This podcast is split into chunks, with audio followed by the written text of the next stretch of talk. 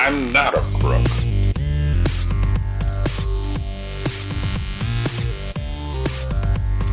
Because they are hard. Hello, and welcome to Presidential Deathmatch, the only presidential debates that matter. On today's program, an extended apology and not much else. We're going to be using a Monroe style monologue because it's just me today. All that, and well, that's basically it on today's Presidential Deathmatch.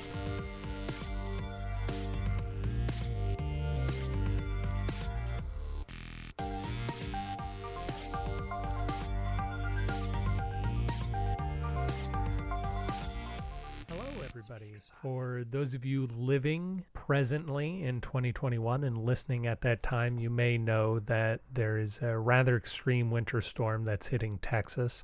And since both Dennis and I live in Texas, and in particular, I live in Houston, which has had major power outages in about half the city, over half the city, really, without power for the majority of the last week, Dennis and I were unable to record an episode this week, and thus we will not be releasing an episode this week apart from, well, what you're listening to right now. We apologize for the inconvenience. We're going to move the episode that we had planned for this week, which is Love Stories, about two weeks from now and we will maintain our current schedule. So hopefully next Thursday you will have a new episode from us. I didn't want to leave you without anything at all yet today, so I thought I would tell a few very small presidential history stories that I don't think have come up on the podcast before, but that you might enjoy if you're listening to me now. So the first one is about President Harry Truman, who of course ascended to the presidency on the death of Franklin Delano Roosevelt, but this story takes place after he was president in the 50s. There's a television show called Candid Camera. You may have heard about it. It was the first hidden camera prank show. So, so for me, the hidden camera prank show that I'm most familiar with is Jamie Kennedy's Experiment, which aired on the WB back when the WB existed when I was a child. But there are a lot of these. There were some on Quibi last year. Punked was a very popular one. Yeah, I'm, I'm sure you know what I'm talking about. Hidden camera prank shows. We set up a situation. We see what people are going to be doing about it. So Candid Camera is one of these. And they learned that Harry Truman is going to be in New York for some reason. I think he's probably giving a talk. And so they decide to play a candid camera prank on Harry Truman. And I don't know if this ever aired. I certainly haven't seen any footage of it. I've just read about it. But what they decide to do is try to make his walk very repetitious in that the same events happen block by block. And they hired this track star to uh, be in sort of an eye catching outfit and to run past the president. And then she will circle around the block, run two blocks down, and come back. So she will just keep running past him over and over and over again. And this happens for a number of blocks. And eventually, uh, and President Truman is not reacting to it, of course. Uh, you wouldn't expect him to if you've been listening to our podcast. But some people stop and ask him, Hey, don't you think it's weird that this girl keeps running past you? And he says, Yes, I do, but I figured it has something to do with these. And then he points out all of the hidden cameras around him. He's very perspicacious old coot, that Harry Truman.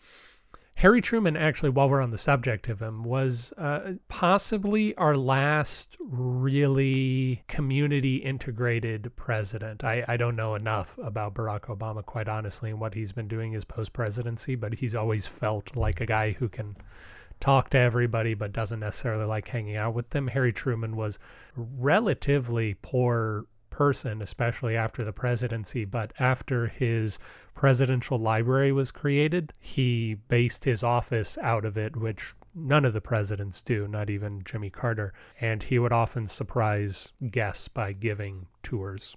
So that's one story that I enjoy. Another story that I enjoy, and I like this one a lot, so I may have talked about it in season one, but this is about President Chester A. Arthur. And Chester A. Arthur, again, ascended to the presidency on the death of James Garfield. And Chester A. Arthur was a very particular kind of guy. He was very wealthy and very much enjoyed the trappings of wealth. And he had a lot of clothes. And when he moved into the White House, sort of like our, our previous president, President Trump, he didn't enjoy it. It wasn't up to his standards. And so he raised money to have Louis Tiffany redesign parts of the White House. And in fact, I, I think the next president, who was Grover Cleveland, removed a lot. Uh, he he found a lot of the additions gaudy. I know they were removed at some point. It may have been with Cleveland. It may have not been until Teddy Roosevelt did his own redesign. But he hired Louis Tiffany to make uh, what was at that time a very modern looking White House. And as so often happens, people decried the lack of historical accuracy. But a thing that he did was have a White House yard sale where he quite literally put everything out on the lawn and just ran a yard sale like like we might. And this featured some papers and some clothes of John Adams. It featured old furniture from all the past presidents and apparently some pants of Abraham Lincoln's. And of course Abraham Lincoln being our tallest president. I, I, can only imagine that the pants were purchased for historical value as opposed to to be worn but but I really enjoy that image of a, a president selling off the the goods of his of his present predecessors. uh, and finally, one other story. And I should say, I tried to think this week. I I've been without power and internet and water and food for the past few days, so my ability to research has been limited. I had been trying to think of weather related stories to tell, but I couldn't come up with any interesting ones. They're like, oh, well, during Benjamin Harrison's inauguration, there was a blizzard and they had to do it indoors. There wasn't a whole lot that wasn't uh, that wasn't just either boring or tragic. so this final story is about George W. Bush, and I think a lot of us are familiar with George W. Bush. He was president from 2001 to 2009. And I think this story takes place in 2005. It's during the early years of the Iraq War. And it's Thanksgiving. And like so many people, uh, George W. Bush is going to his ranch out in Crawford to celebrate Thanksgiving with his family but uh, as as he is celebrating Thanksgiving with his family, he decides to retire early. He says he has a bit of a stomach ache. And what he actually does is takes a small, and all this was pre planned, obviously, but not told to anyone, I think, including the president's family. He disguises himself and takes a car out to Dallas Airfield or to wherever Air Force One is um, but he takes an unmarked plane to Iraq. And some journalists are told that this is happening, but they're told that they can't print anything until the president is back on American soil because it's an unmarked plane. He's not in Air Force One, and he could conceivably be shot down as they go into Iraq. But they land in an American base. I believe it's actually an Iraq base that Americans uh, confiscated, let's say and they are having their Thanksgiving meal at that time. And uh, all of the troops are are gathered, and uh, they the the person is about to give sort of the Thanksgiving address to the congregated barracks, and he he pauses because he's in on the joke, and he says, Well, tradition holds, I may be a general, but tradition holds that the highest ranking member should give the address. And so there's a bit of a, a bit of a hum and a bit of a murmur and confusion in in the hall as to well who could possibly be higher rank? And then George W. Bush uh, reveals himself that he has flown from America to to where he is sending people to die. Um, and there's a great big hooping and hollering and he and he gives the address and he says thank you so much for the sacrifice that you're making. And, and you know we know it's hard to be away from your family we appreciate that you're doing it for us and have a happy Thanksgiving. Huh, hit my microphone. I'm not re-recording this. Uh, and and then people sort of try to show President Bush to his table to uh, to have his meal, and he says, "No, no, no, I'm here to serve." And so he gets in the the serving line and spends the two hours that he's there giving food to all the soldiers and taking pictures with them and whatnot.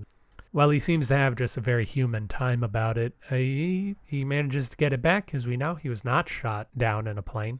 He manages to get back home, and journalists are able to to print it as a as a thing that the president did. And I think that this showcases again a bit more of a human side to him than than we usually give him credit for these days. But those are just three small presidential stories, ones that you may not have heard.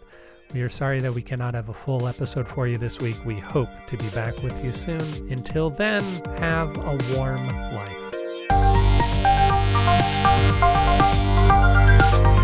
Thank you for listening to Presidential Deathmatch. Presidential Deathmatch is a production of Pronoia Theater. You can find more out about us at pronoiatheater.com. This program was edited by Aaron Garrett with music by Dennis Buddy and hosted by those same two lovable goofballs. You can always email us at contact at pronoiatheater.com. If you enjoyed the program, we ask that you rate and review wherever it is you found us. It really helps us out. And if you didn't like the program, why don't you stick around? We really grow on you.